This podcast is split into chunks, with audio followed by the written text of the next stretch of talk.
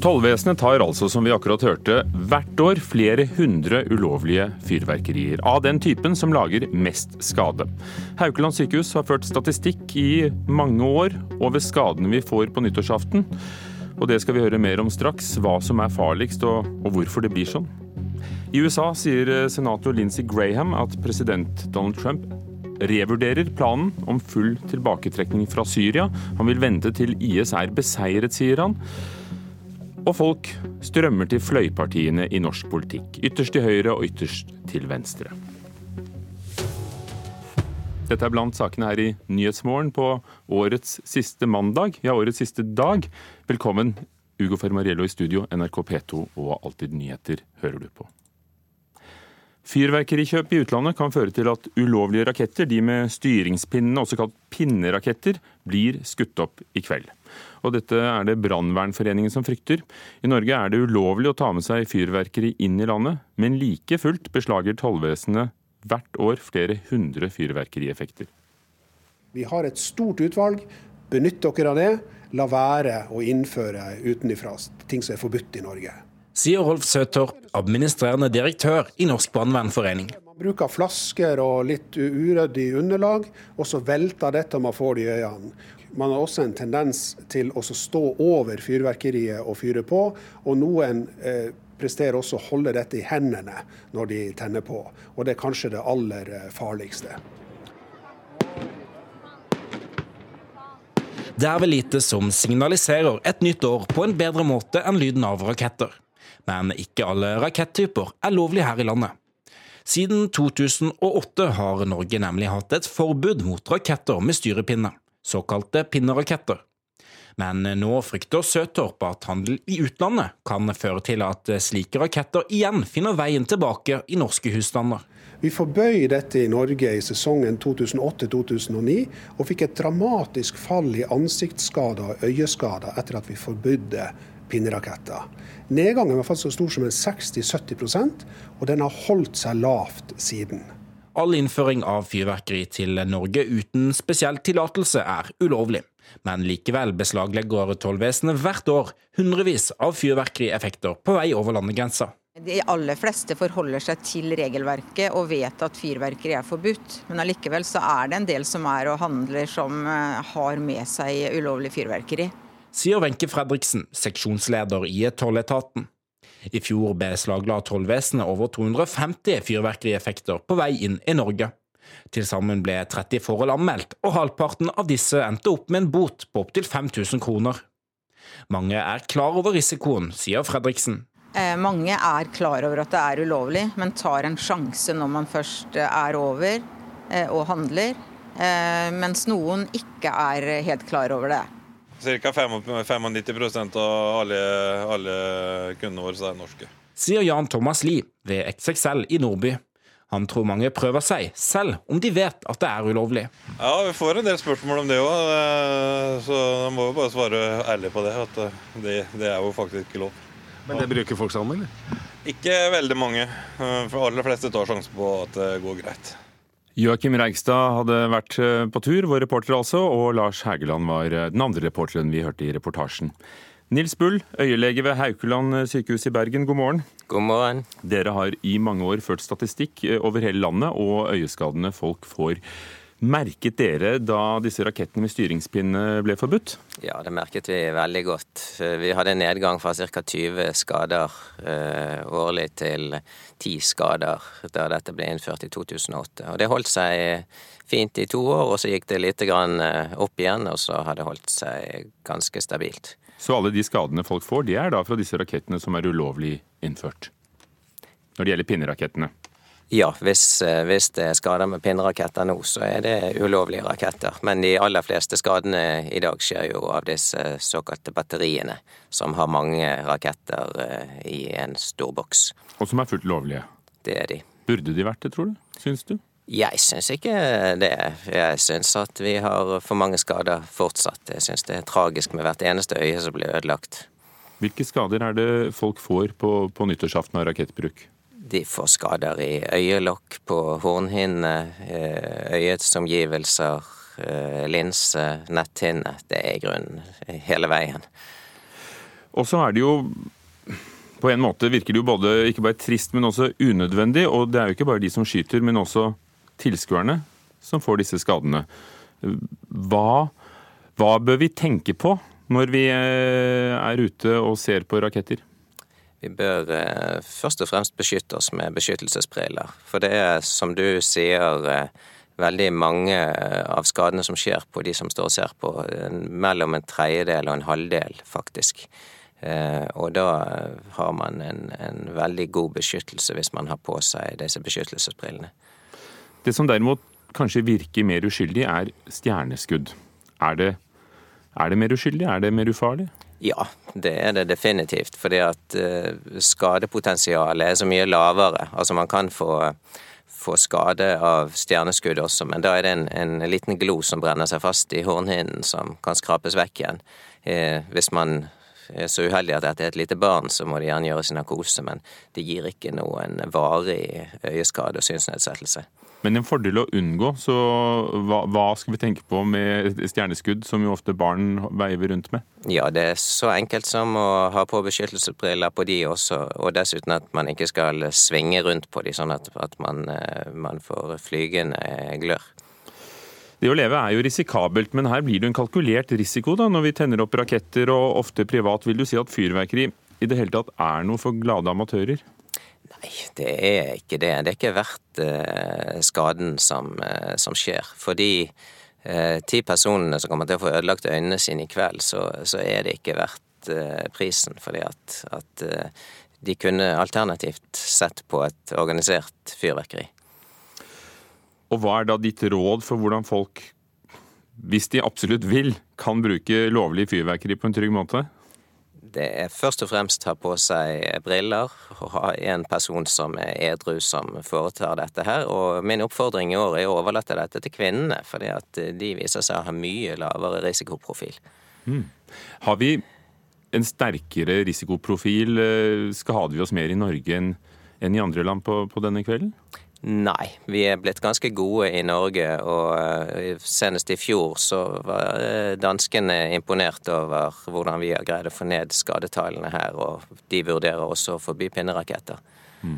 Hva er ditt eh, neste råd til myndighetene, da?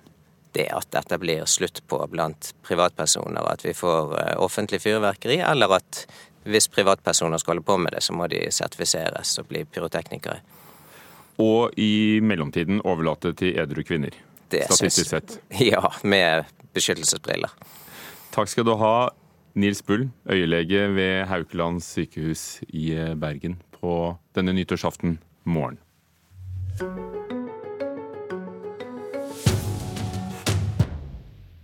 Flere medlemmer søker seg til partiene, de politiske partiene på ytterste venstre og ytterste høyre side i politikken, norsk politikk.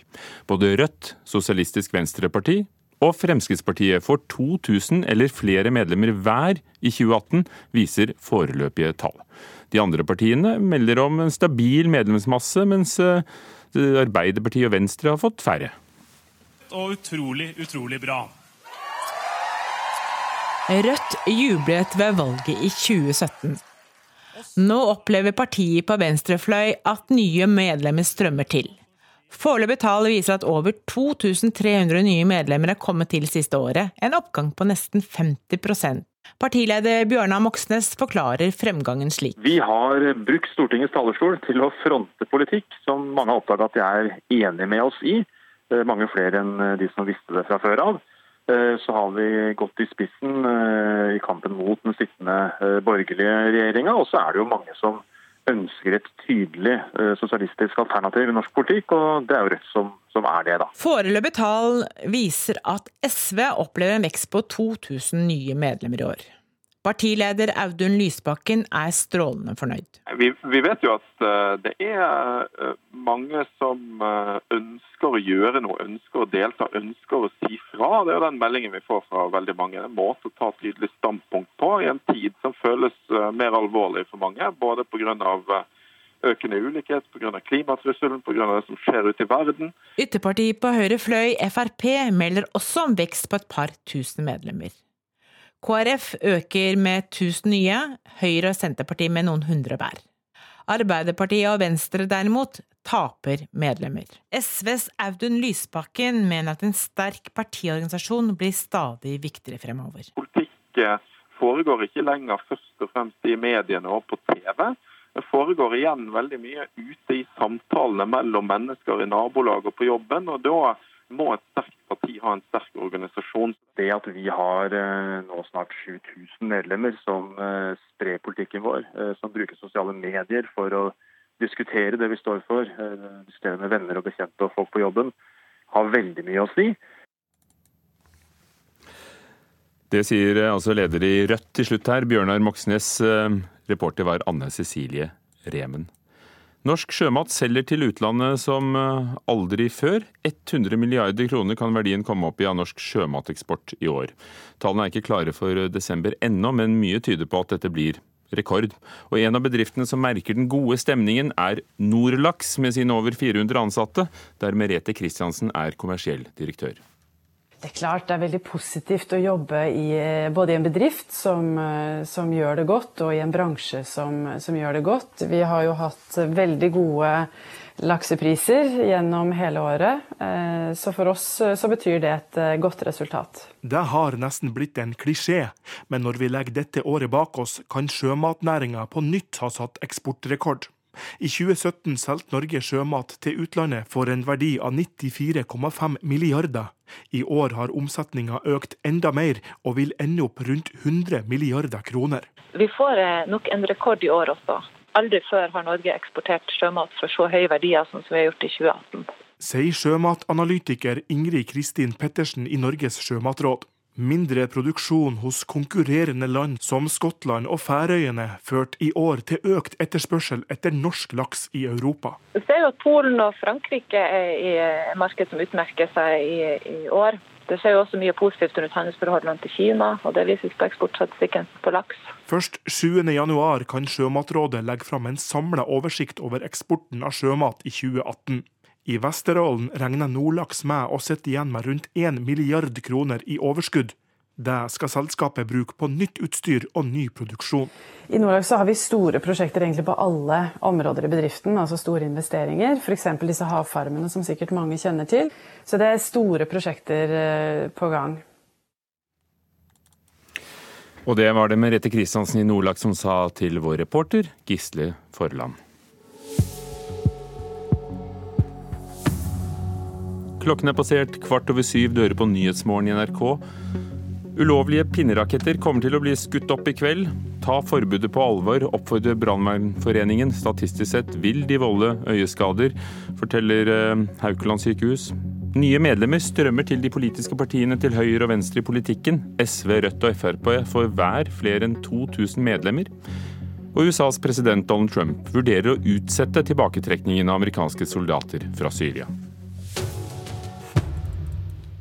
Så det er usikkert foreløpig hva USA vil gjøre med sine styrker i Syria. Men foreløpig frykter innbyggerne i den syriske byen Manbij at de igjen kan havne i skuddlinjen i maktspillet om landet. Etter at president Trump da opprinnelig varslet at USA vil trekke styrkene ut av Syria, har Tyrkia truet med å angripe den kurdiske militsen som har kontroll over byen, og den ligger bare tre mil fra den tyrkiske grensen.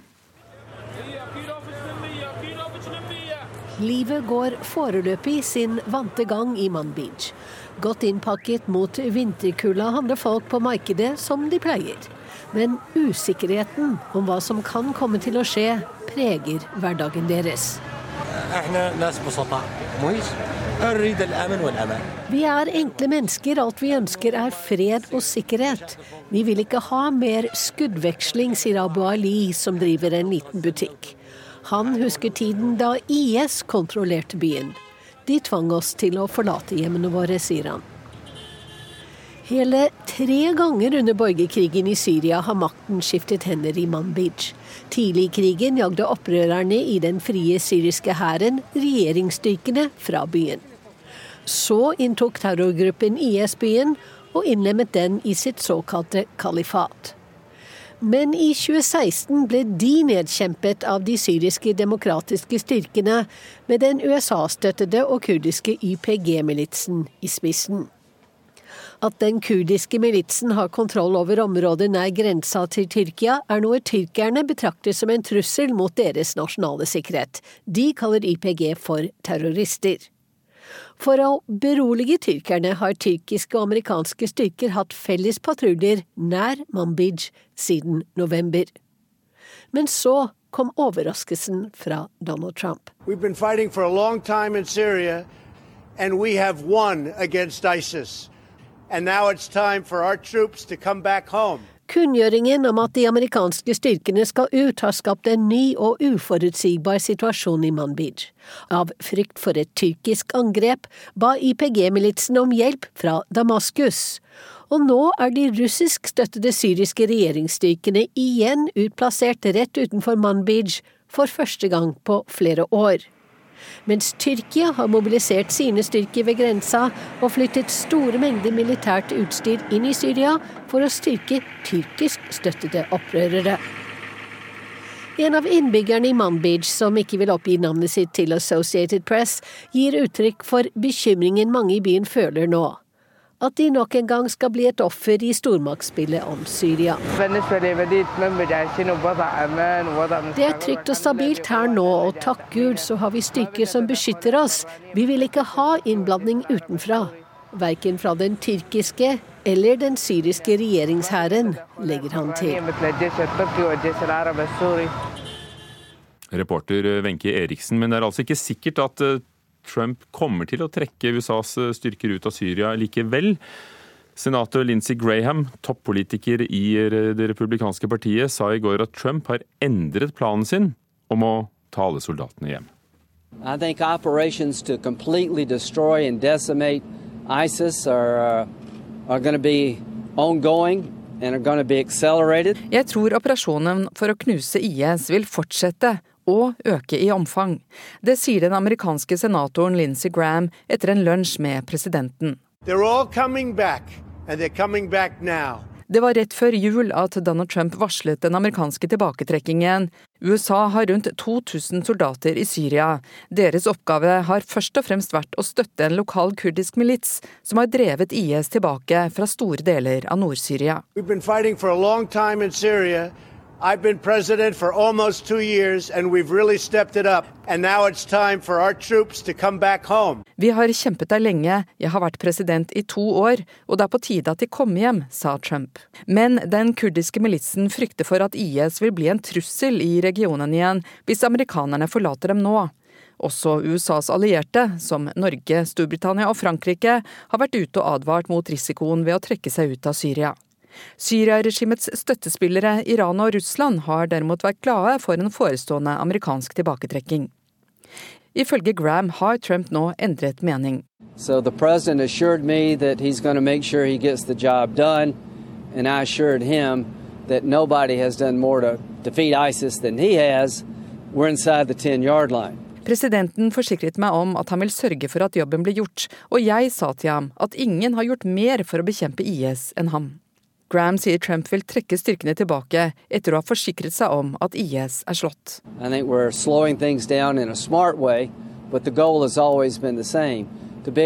Syria, make sure ISIS never comes back. Our partners are taken care of. Jeg tror nå at vi setter ned tempoet på en klok måte, men målet har alltid vært det samme, å klare å trekke seg ut av Syria, sørge for at IS aldri kommer tilbake. Jeg tror det er mulig, men det vil ta lengre tid. Men forhåpentligvis kommer vi dit, sier Graham. Lindsey Graham, eh, republikansk senator, reporter var Åse Marit Befring.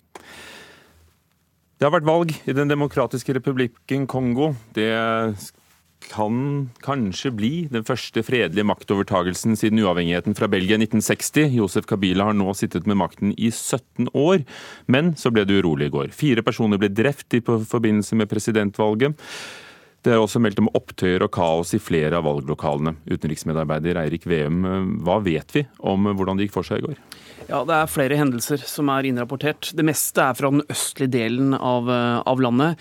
Det har vært eh, opptøyer, mye bråk, eh, uro. I, eh, I, en by, Valungu, i provinsen Sør-Kivu, så gikk en folkemengde til angrep på politiet. Drepte en politimann. Drepte en valgmedarbeider inne i et stemmelokale. To sivile ble også drept her. Så, så, så, det er jo ikke en situasjon som er under kontroll. Eh, noe av forklaringen på dette er at valget som har vært utsatt nå helt siden 2016 eh, og, og, og blitt da skjøvet på en rekke ganger. Eh, blir gjennom, valget blir gjennomført på en måte som ikke er særlig demokratisk. Det mangler stemmelister, det mangler stemmetellemaskiner. Enkelte stemmelokaler bare stenger. Eh, de har ikke åpnet. En million velgere i de østlige delene av landet får jo ikke lov å delta fordi myndighetene mener at det er eh, ebolasmitte der. Så det er jo ikke et valg som gjennomføres på en måte som et valg skal gjennomføres på. Eh, og i tillegg så er det jo et område i verden, Øst-Kongo, som er et av verdens farligste steder. Det er, det er en krigslignende tilstand, og det, det, det preger jo selvfølgelig hele situasjonen. Og så var det noen forhåpninger til at kanskje Dennis Mukwege, som vi er blitt kjent med fordi han var en av årets fredsprisvinnere, eh, kunne inspirere til at det skulle gå litt roligere for seg. Eh, du besøkte jo Kongo i forbindelse med Mukweges eh, fredspris. Hvilke forventninger følte du at folk hadde? Det var jo et håp om at dette skulle gå bra. Men det var nok av dem som fryktet det motsatte, og det ser jo nå ut til at de får delvis rett. Helt siden 1960, eh, når Kongo ble selvstendig fra Belgia, så har det jo ved hvert eneste maktskifte vært kaos, eller det har brutt ut krig, borgerkrig. Så historien om Kongo er jo egentlig en veldig trist historie. Det er et av verdens rikeste land, når man ser på naturressursene. Men det har også blitt landets store ulykke. Ehm, de slåss seg imellom om disse verdiene. Nabostatene blander seg inn. Og det er jo et land i kaos, hvor eh, myndighetene ikke greier å gi innbyggerne eh, verken trygghet eller, eller mat. Og så har dette vært sett på som et veldig presi viktig presidentvalg for Kongo, og det er tre først og fremst aktuelle kandidater. Hvorfor har dette vært eh, skal vi si, et veiskille? Altså, Kabila har jo da sittet ved makten i 17 år, og man kan si masse om han.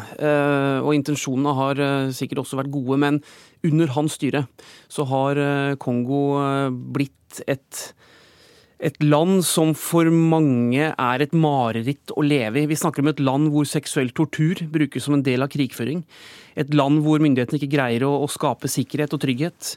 Um, mange mener at valget er viktig fordi ved en ny president fra opposisjonen, så kunne eh, landet tatt en ny retning. Man kunne skapt eh, sikkerhet. Vi snakker om Afrikas nest største land. 80 millioner innbyggere. Frykten nå er at eh, det kan på nytt bryte ut en storkrig. Slik den var fra 1998 til 2003, hvor seks millioner mennesker ble drept. Det er det man er redde for nå. Men når vil det komme en opptelling fra valget slik det nå en gang ble gjennomført? Det er forventet at det kan komme resultater ganske snart, men eh, signalene som kommer fra Kongo er såpass eh, vanskelig å tyde, i og med at det er en veldig kaotisk situasjon der akkurat nå. Takk skal du ha, Eirik VM.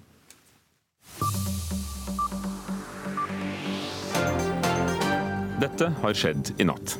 Den amerikanske presidenten Donald Trump skal ha åpna for å utsette evakueringa av amerikanske soldater fra Syria. Den republikanske senatoren Lindsey Graham sier Trump har lova å bremse tilbaketrekkinga, og at USA ikke ønsker krig mellom kurderne og Tyrkia. En slik krig vil fjerne presset på terrorgruppa IS og styrke Iran sin posisjon i Syria, sier Graham. I Kvænangsbotn i Troms brant en enebolig ned i løpet av natten. En person bodde i huset, men ingen var hjemme da brannen oppsto, opplyser politiet. 94 journalister og andre ansatte i media ble drepne på jobb i 2018. Det syner tall fra Den internasjonale journalistføderasjonen, IFJ. Tallet på drepne gikk opp i år, etter flere år med nedgang. Og dette er eh, nyheter vi venter i løpet av årets siste dag. I Paris planlegger protestbevegelsen De gule vestene nye demonstrasjoner. Den uformelle bevegelsen har eh, demonstrert i flere uker mot eh, Frankrikes president Emmanuel Macron og regjeringen, opprinnelig pga. økte priser på drivstoff. Og så er det tid for nyttårstalene til statslederne. Den tyske forbundskansleren Angela Merkel kommer til å si at Tyskland må ta på seg mer globalt ansvar. I tillegg har den russiske presidenten Vladimir Putin sendt nyttårshilsener til andre statsledere. Til Donald Trump skriver Putin at Russland fremdeles ønsker dialog med USA. Vidar Eidhammer. I Tour de Ski i Toblach i Sør-Tyrol i Italia var det de russiske langrennsløpernes store dag i går. De seiret både blant kvinnene og mennene. Men en som var fornøyd, var norske Ingvild Flugstad Østberg med sine ti kilometer. Hun kom på andreplass.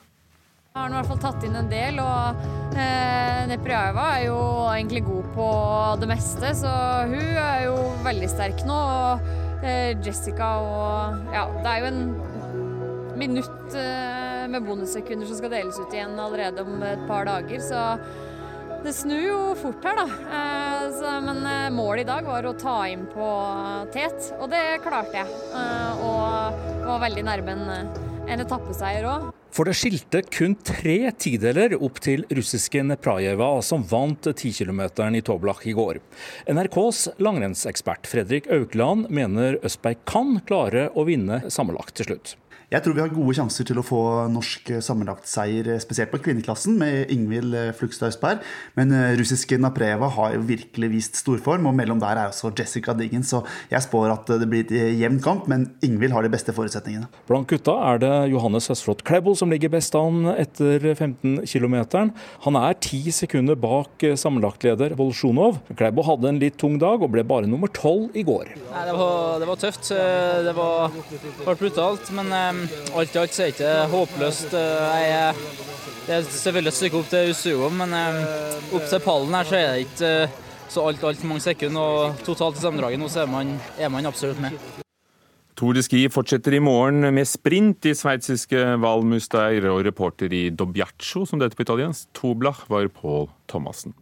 Teaterstykket Oslo om Oslo-avtalen ble en umiddelbar suksess i New York. Nå kommer det på en norsk scene, og i løpet av Dagsnytt som kommer nå straks her i Nyhetsmorgen, får vi høre hva en av de som var med på det hele, synes om det. Og en av de siste fredsstemmene i Israel, Amos Oss, forfatteren og politikeren, døde rett før helgen. Hva har han betydd? Det blir også tema i løpet av denne morgenen frem til klokken ni her i NRK P2 og Alltid nyheter.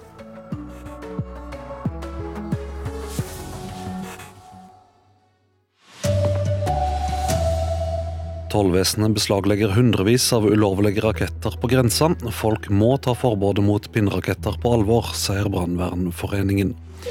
Donald Trump vurderer å utsette å trekke amerikanske soldater ut av Syria. Kraftig medlemsøkning for partiene til både Venstre og Høyre på Stortinget. Her er NRK Dagsnytt klokka 7.30. Fyrverkerihandel i utlandet kan føre til at ulovlige pinneraketter blir skutt opp i dag. I Norge er det ikke lov for privatpersoner å ta med seg fyrverkeri inn i landet. Likevel beslaglegger tollvesenet flere hundre slike effekter hvert år. Rolf Søtorp i Brannvernforeningen ber folk ta forbudet på alvor. Vi har et stort utvalg. Benytt dere av det. La være å innføre utenifra ting som er forbudt i Norge sier Rolf Søtorp, administrerende direktør i Norsk brannvernforening. Og noen eh, presterer også å holde dette i hendene når de tenner på, og det er kanskje det aller eh, farligste. Siden 2008 har Norge hatt et forbud mot raketter med styrepinne, såkalte pinneraketter.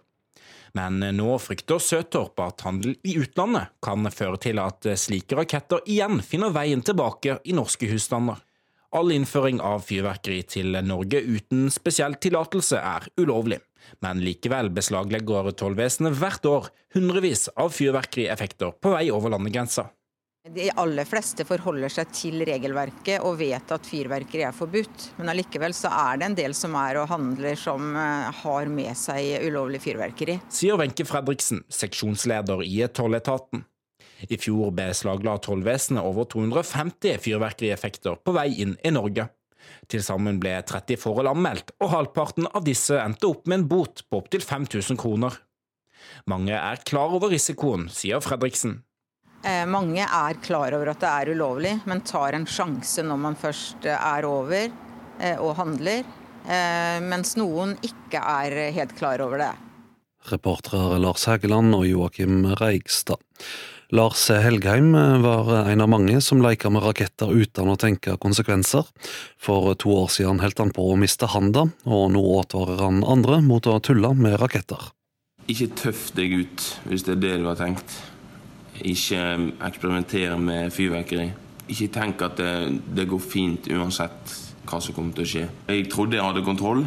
Jeg hadde gjort det mange ganger. Holdt fyrverkeri i hånden og smelte av.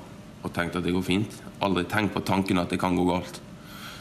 Og når det går galt, så går det skikkelig galt. Da var det flaks at jeg ikke hadde øyeskade. da. Jeg hadde bare egentlig hånden, men hånden er en viktig del av hva skal jeg si, hverdagen. da. Sa Lars Helgheim. Vi har med oss øyelege Nils Bull ved Haugland sykehus. Vi hører her om svært alvorlige skader som kan oppstå. Og vi snakker hver nyttårsaften om farene med fyrverkeri, men er det bedring å spore i holdningene blant folk? Ja, det har blitt eh, bedre jevnt og trutt over de 13 årene jeg har holdt på med, med dette. Og de to siste årene har det også vært en liten nedgang. Ja, så finnes det jo eh, verneutstyr eh, som vernebriller. Som øyelege, hva kan bli konsekvensene å ikke nytte av det? Da kan det bli konsekvensen at man resten av livet sliter med et øye som, eller to som ikke fungerer. Og kanskje mye smerter, kanskje mange operasjoner og talløse kontroller hos øyelege. Et uh, populært uh, produkt i kveld er um, stjerneskudd, som mange blir sett på som trygt og ganske barnevennlig. Er det det? Det er jo mye tryggere enn rakettene, fordi at skadene man kan få er ikke så alvorlige. Men, men det er lett for å få en fastbrent glo på hornhinnen, og da må man få skrapet vekk den. Og det blir vondt og ubehagelig en liten stund, men, men det blir ikke store, varige skader av det. Etter de mening som lege, bør det i det hele være lov å selge fyrverkeri til privatpersoner? Nei, det er helt, helt uh, unødvendig. Vi bør få en slutt på dette her. Det har vært mange nok skader, uh, og nok er nok. Ja, til slutt, før feiringa tar til i kveld, hva sier vi til kombinasjonen alkohol og sprengstoff? Det er forferdelig uvettig. Men uh, hvis man absolutt ikke klarer å la være, så, så tilgir disse beskyttelsesbrillene en mengde dumheter. Takk for den oppfordringa, øyelege Nils Bull ved Haukeland eh, sykehus. Utenriks eh, nå, president Donald Trump revurderer planene om å trekke amerikanske soldater ut av Syria. Det sier den republikanske senatoren Lindsey Graham. Graham, som har vært sterkt kritisk til tilbaketrekkingen, sier Trump vil la soldatene bli til terrorgruppa IS er nedkjempa. I think operations to completely destroy and decimate ISIS are uh,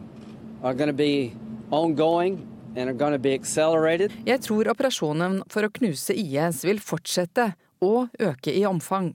Det sier den amerikanske senatoren Lindsey Graham etter en lunsj med presidenten. They're all coming back, and they're coming back now. Det var rett før jul at Donald Trump varslet den amerikanske tilbaketrekkingen.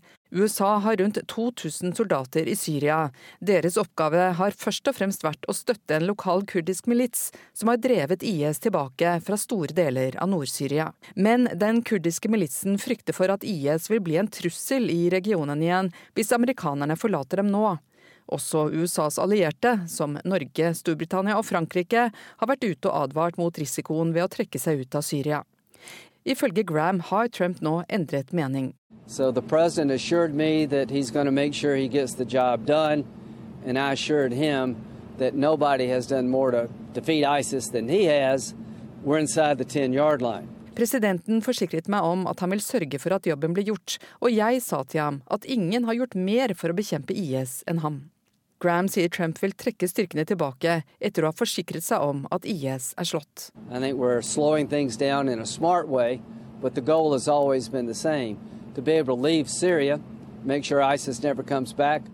Jeg tror nå at vi setter ned tempoet på en klok måte, men målet har alltid vært det samme å klare å trekke seg ut av Syria, sørge for at IS aldri kommer tilbake, jeg tror det er mulig, men det vil ta lengre tid.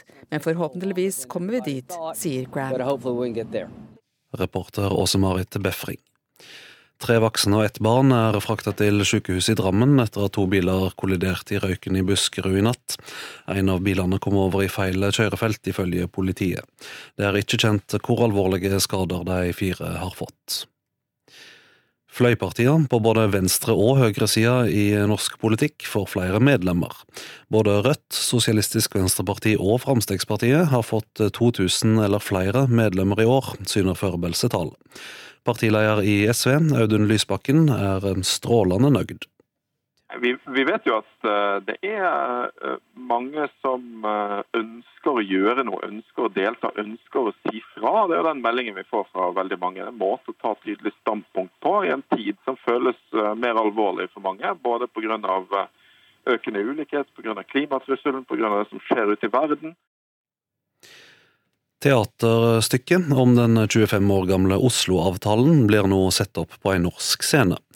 Stykket om den havarerte fredsavtalen i Midtøsten blir skildra som en politisk thriller med komiske innslag. Jan Egeland var med på forhandlingene, og er litt nervøs for hvordan han sjøl blir framstilt. Mr. President, thank you, thank you, thank you. Leder Yasir Arafat i Palestinas frigjøringsorganisasjon PLO takker USAs president Bill Clinton på plener utenfor Det hvite hus. Det historiske øyeblikket hvor palestinerne og israelerne blir enige om hvordan de skal oppnå fred, var med på å bringe håp til en hittil uløselig konflikt. Det er et historisk dokument som ble undertegnet av PLO i går og av Israel i dag. Det Norske Teatret setter nå opp stykket Oslo som tar for seg fredsforhandlingene mellom de to erkefiendene. Stykkets hovedpersoner er diplomatene Terje Røe-Larsen og Mona Juel, som sto i spissen for å legge til rette for at partene kunne møtes i Norge og bli enige om en vei til fred. Jeg vil kalle den for en, en, en politisk thriller med komiske innslag. Det sier regissør Stefan Larsson, som er ansvarlig når stykket nå settes opp i Norge. Jan Egeland var sentral under arbeidet med Oslo-avtalen, men Egeland syns ikke det bare er stas å skulle bli framstilt i et teaterstykke. Jeg er litt redd for at det blir, blir eh, jeg vil sitte og tenke ja, det var jo galt, og sånn var det ikke. Og fordi du tror nærmest du går til en dokumentar. Men det er jo klart det er jo fiksjon. Jeg forstår at i London og, og New York er jeg skrevet inn som en gammel uh, halvsur Eh, utenriksråd. Eh, jeg var jo en meget ung eh, og, og, og litt småvill statssekretær på det. Reporter var Oddvin Aune. Ansvarlig for sendinga Anne Skårseth, i studio Vidar Eidhammer.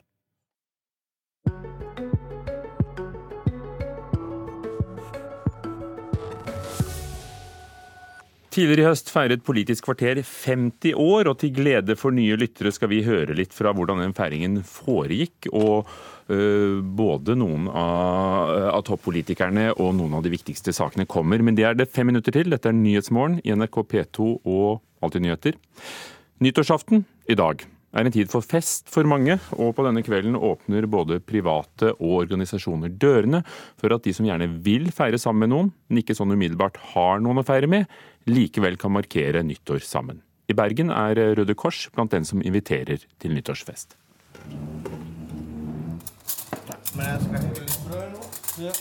Hos Røde Kors i Bergen sentrum blir bordet dekka. I kveld er det duka for feiring av nyttårsaften, forteller Harry Aasen, som jobber som frivillig. Vi skal ha noe godt å ete. Eh, drikke kaffe, te. Ja, vi skal ha litt sosialt før vi går ut sammen og ser på nyttårsfeiringa. Alle som har lyst til å komme, er invitert. For ingen skal føle seg alene på nyttårsaften. Rune Skaar jobber som frivillig her på Døråpneren, et tilbud for folk som er i en sårbar livssituasjon. Ensomheten er nok litt mer trykkende eh, når man vet at eh, folk flest i utgangspunktet er i godt lag. Hvis man da sitter alene hjemme uansett årsak for så vidt, så, så er det nok litt tyngre. Det ser man på alle statistikker. Ikke minst selvmord, tung rusbruk. Det er typisk at det topper seg rundt helligdager. Det har vært ulike arrangement her nesten hver dag i jula. Eh, nå kan dere komme og få suppe. Og flere hundre personer har vært innom. De som bor alene og ikke har noen nære venner, familie å gå til. Så det er de som kommer til oss. Det er første gang døråpneren inviterer til nyttårsfest. Og behovet er der, sier Rune Skaar. Kort og for det vi ser at mange har eh, brent bånd til familien. Så det å tilbringe jul eller høytid generelt sett som familie er gjerne ikke aktuelt. Og så er de som sagt en situasjon der de prøver å bryte med det sosiale miljøet de har. I et kollektiv i Bergen sentrum åpner de dørene i kveld. Jeg har en stor leilighet, eh, jeg har en ledig kveld. Hvorfor kan vi ikke bare feire sammen og ja, møte noen nye folk og være litt eh, mindre alene sammen, da, rett og slett. Sara Louise Emmeroff og to venner inviterer unge voksne som ikke har en sted å være, på nyttårsaften. Ofte så er det sånn at plutselig så havner du utenfor en eller annen gjeng, og, eller så må du jobbe, eller du har en eller annen grunn for at du sitter gjerne alene på nyttårsaften. Det er ikke alltid så veldig kjekt, eh, for det er veldig sånn forventning fra samfunnet at vi skal ha det verdens beste kveld og alt dette her. Invitasjonen gikk ut via en annonse på finn.no og spredde seg på Facebook. Og nå tikker påmeldingene inn. Jeg var veldig spent på om det var noen i det hele tatt som turte å sende meg en melding. Men eh, de som har sendt melding, er gjerne folk som studerer i utlandet, som har kommet hjem til jul, men kanskje de ikke har så mange eh, bekjentskaper lenger. Eller eh, så er det folk som skal jobbe dagen etterpå. Det virker som en veldig gjeng som har veldig forskjellige utgangspunkt alle sammen. Da.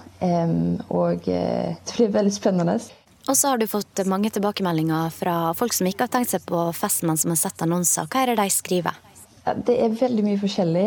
De skriver gjerne at eh, for et fint tiltak, og eh, dette her inspirerer meg til å gjøre dette til neste år. og folk har tilbudt seg til å hjelpe, og det er så mange som spør om vi trenger økonomisk hjelp. og Folk har invitert oss hjem til seg senere på kvelden til å se på fyrverkeri. og Utrolig mange meldinger. Sikkert 100 meldinger av folk som bare eh, støtter dette her og syns det er et fint tiltak. Så det er så koselig.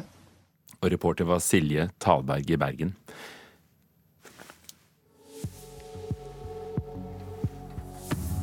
Klokken nærmer seg kvart på åtte. Dette er Nyhetsmorgen i NRK. USAs president Donald Trump vurderer å utsette tilbaketrekningen av amerikanske soldater fra Syria til IS er bekjempet. Og nye medlemmer strømmer til de politiske partiene til høyre og venstre, fløypartiene i politikken. Og nettopp politikk er det det skal handle om nå. Det er tid for Politisk kvarter, som fylte 50 år litt tidligere i høst og feiret med en jubileumssending med publikum. Til glede for nye lyttere kommer et utdrag fra jubileet med programledere Lilla Sølhusvik, Bjørn Myklebust og Astrid Randen.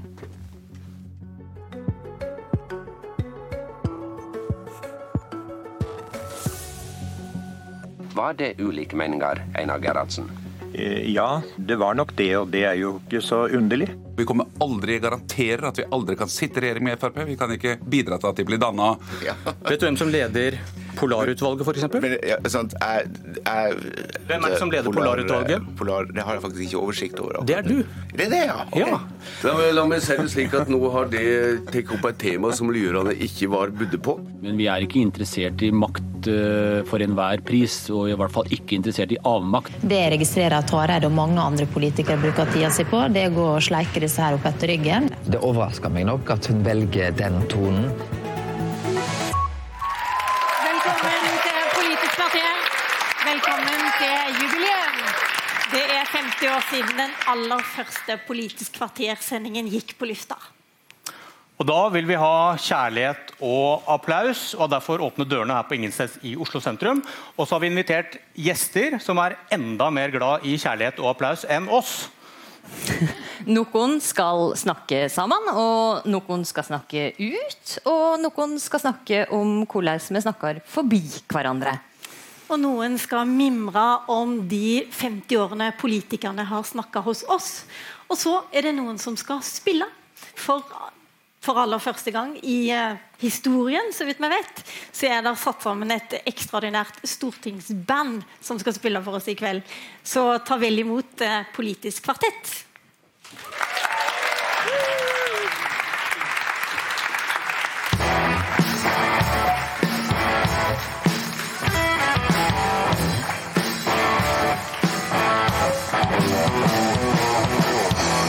Er ikke dette norsk politikk på sitt vakreste, statsminister Erna Solberg, i et bredt musikalsk forlik?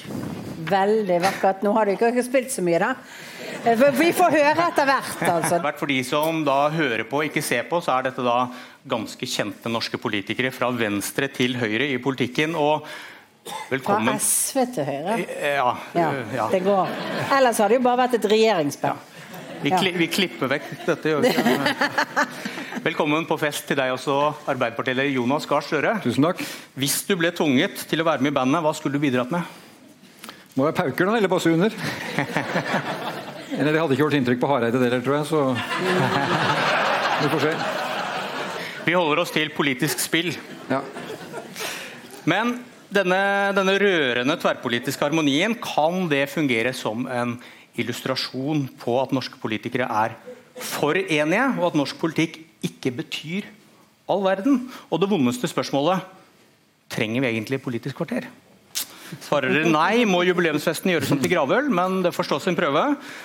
Erna Solberg, hva betyr mest for økonomi og arbeidsplasser i Norge?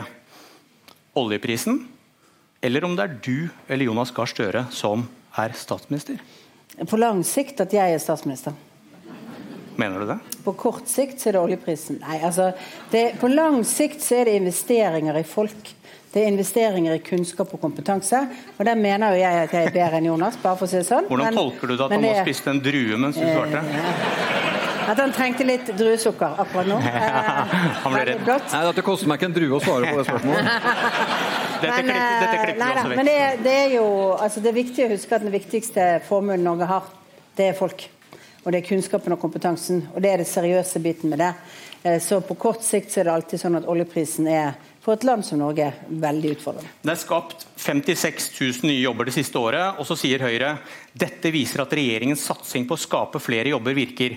Og når ledigheten går ned, sa dere i høst dette er strålende nyheter og viser at regjeringens politikk virker. Er ikke dette en konsekvens av at oljeprisen stiger, og at dere skylder på oljeprisen når ledigheten stiger?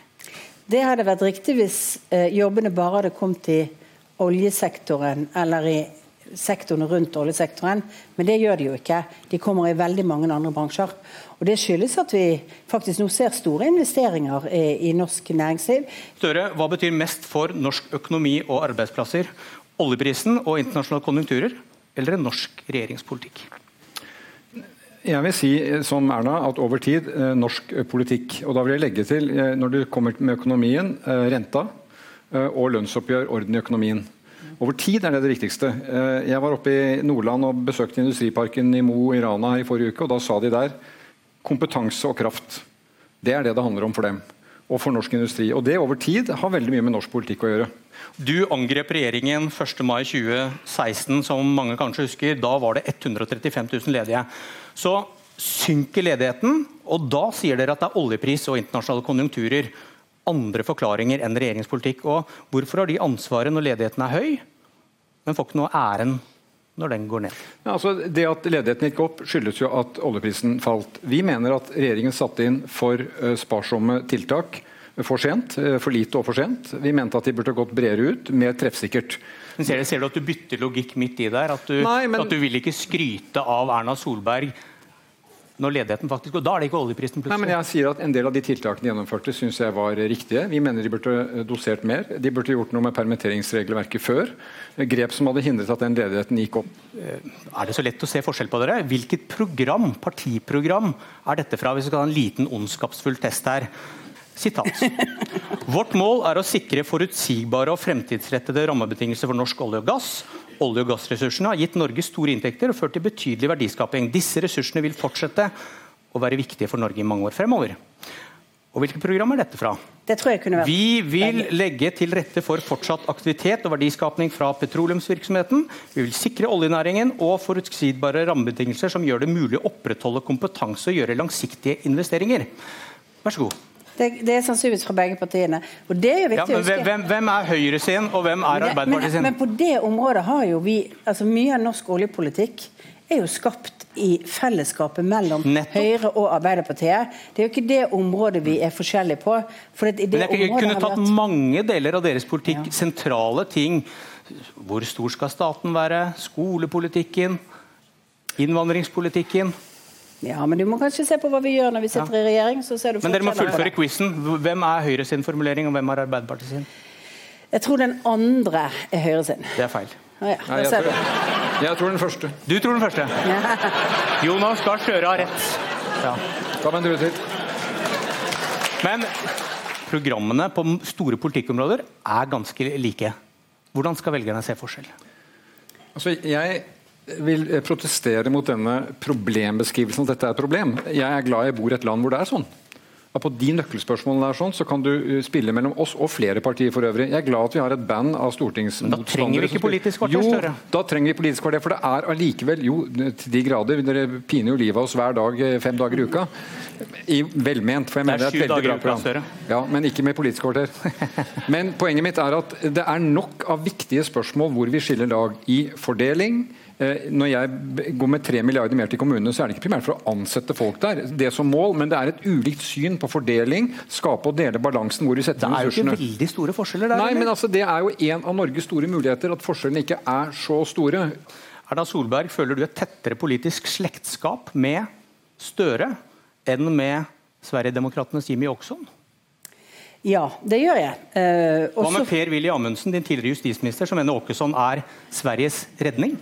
Ja, men jeg mener ikke at eh, Jimmy Åkesson er Sveriges redning. Og jeg er uenig i at det er de svarene som, som gis på den siden i svensk politikk. Og da har jeg mer fellesskap med Jonas Gahr Støre på mange Hva med Per-Willy. Amundsen, sånn som han da Eh, står sammen med Jimmy og sier at dette er Sveriges redning? Når Per-Willy Amundsen argumenterer for at EØS-avtalen er en dårlig avtale for Norge, så jeg, har jeg mer fellesskap med Jonas, for vi er enige om EØS-avtalen, og at egentlig Norge burde vært medlem av EU. Kunne Amundsen blitt justisminister i din regjering etter å ha støttet Sverigedemokraterna på den måten han gjorde nylig? Det har jeg ikke tenkt å kommentere hvem som blir statsråd regjeringen. Jeg Er ikke det rart, rart å si- ikke det jeg rart å si om din tidligere godt- minister? Ja, men jeg har ikke tenkt å, nei, men jeg ville ikke kommentert noen sånne statsråder nå, for vi har et utrolig godt team. Og eh, akkurat nå så er det vel mer sånn spørsmål om de partiene som sitter må redusere litt på antallet vi har, og få inn noen flere. Okay. Og det men, ikke men, ta, ta deg en drue, så skal jeg spørre Jonas Gahr Støre. Føler du et tettere politisk slektskap med Erna Solberg enn med Bjørnar Moxnes? Eh, ja, det gjør jeg. Fordi at eh, det er ingen tvil om ja, fordi at det er ingen tvil om at eh, det er demokratisk, parlamentarisk, fullt og helt sinnlag i Høyre som jeg kan bekjempe på den måten, og der mener jeg Rødt har et stykke igjen å gå. Men i, men, men, i, men i saker i Stortinget, saker i kommuner, så kan det være annerledes. Men hvis du snakker om slektskap, så tror jeg svaret er ja. Sier du da også at Rødt kan ikke være en del av ditt parlamentariske grunnlag hvis du skal styre Norge? Ikke nødvendigvis. Eh, Jeg har sagt at det er ikke aktuelt med regjeringssamarbeid med Rødt. Men da er vi tilbake til dette kunstige skillet mellom dere. for da Hvis du sier at du er nærmere Erna Solberg, så kunne, hun, kunne dere like gjerne inngått en storkoalisjon? da. Nei, men det, altså det, det øh, gjorde vel øh, man i Norge under krigen og rett etter krigen. og det, for det, det finnes situasjoner i et lands historie hvor man kan oppheve tyngdelover og gjøre slikt. Men jeg tror det også er veldig klokt at det er to styringspartier som har helt klare skillelinjer i syn på styring, fordeling, øh, øh, mange forhold, men også ting som forener i utenriks- og sikkerhetspolitikken. Og jeg mener det er en stabilitet som de nordiske landene har hatt sammen til nå. og jeg må jo si at Hvis det, hvis det skulle ryke f.eks. i Sverige, så tror jeg Sverige får større problemer enn de, enn, enn de har. Vi er ved veis ende, tror jeg. Ett minutt får jeg der. Eh, vi har jo dette tverrpolitiske dansebandet på plass her. Danseband. Ja. Danseband, ja. Har, du, har du danset med Jonas før, da? Nei, jeg har aldri danset med Jonas. Har du lyst? Ja, ja, ja. Hva er det? Byr du opp på hans vegne? Det er litt, det er litt sånn Det er Hva- litt, eh, det hva er litt hadde sånn vært- feige folk som Ja. Men det er plass der nede. Hva hadde vært vakrere enn en tverrpolitisk dans? Vi rydder plass. Det er veldig mye. det er veldig mye. Ja, ja. Men jeg føler Knut Arild Hareide, velkommen til oss. Tusen takk. Jeg mener egentlig at du skylder meg en sånn rynke i pannen for alle de gangene du har sittet i Politisk kvarter og prøvd å forklare meg hva retning Kristelig Folkeparti var på vei. Om det var borgerlig eller eh, venstreside dere skulle eh, velge. Og så lurer jeg litt på, var det like vanskelig for deg som det var for oss å forstå? Altså Faktisk så har jeg en liten hjerneskade. Der jeg sliter mellom forskjell på venstre og høyre. Eh, ja, den er det ganske mange som har, faktisk. Eh, men eh, jeg forstår jo det. For det er klart at eh, det valget som vi gikk med mot i 2017, så var jo vi uklare. Men eh, hvis du nå kan skru tida tilbake til 28.9. Eh, da du sto fram med ditt budskap og du faktisk valgte en retning. Og Det var nesten som å se at liksom, kiloene forsvant eh, Ja, du har ikke så mange kilo, men kiloene forsvant fra deg. Og så lurer jeg på hvor var det du trådte feil, siden det gikk ikke sånn som du ville ha det? Ja, da tror jeg kanskje at eh, partiet har gått litt for langt til høyre. Og det må jeg ta ansvar for under min ledelse av partiet. Altså, vi vet at I 2001 så var KrF usikker på om vi ville ha en sentrum-høyre-regjering. Eh, jeg tror prosessen den var åpen, ærlig og demokratisk. Helt sikkert ting også kunne vært gjort bedre der. Men det er partiet som har fått tatt sitt valg. Og det er egentlig klar til å respektere og jobbe for det som partiet nå lander. Men når du sier at partiet har gått til Høyre, hva, hva kunne du ha gjort med det? Ja, Det er noe med at jeg, jeg, jeg, tror, jeg, jeg, en måte holdt eh, Erna Solberg-regjeringen i live? Ja, og vi har jo samarbeida godt med regjeringa til Erna. og, og det veivalget som jeg òg pekte på, var aldri Høyre eller Erna Solberg utfordringen for meg, men det var jo å gå for langt til høyresida. Men eh, hvis eh, valget er blitt sånn som det er blitt Jeg tror refleksjonen må for eksempel, Vi kunne kanskje hatt noen tydeligere spilleregler og de fem ukene vi holdt på. Men det må jeg ta ansvar for, og jeg landa ikke på min endelige konklusjon før like før 28.9. Eh, og den prosessen som er blitt, den ble etter forholdene òg ganske god. Hadde du gjort noe annet i forhold til f.eks. For Kjell Ingolf Ropstad, da han sa at nå vil han utfordre Høyre og Arbeiderpartiet på abortspørsmålet? Altså, vi snakket godt sammen i partiledelsen, og jeg eh, Mine to nestledere valgte jo en annen løsning. og det, Jeg tenkte som så, hvis jeg vant, så er jeg opptatt av at da skulle partiet reelt sett ha fulgt min linje. Eh, men jeg er nok mest i den skuffa fasen. For jeg så potensialet i det jeg pekte ut, og jeg har aldri opplevd heller en større politisk entusiasme enn det jeg opplevde de første ukene etter min tale 28.9. Så du er fortsatt litt lei deg, egentlig? Ja. Skal, du, skal ha, du, skal ha, tre år i Stortinget først, og det er mange politiske kvarter før det. Knut Arild Hareide, takk for at du kom nå. Tusen takk.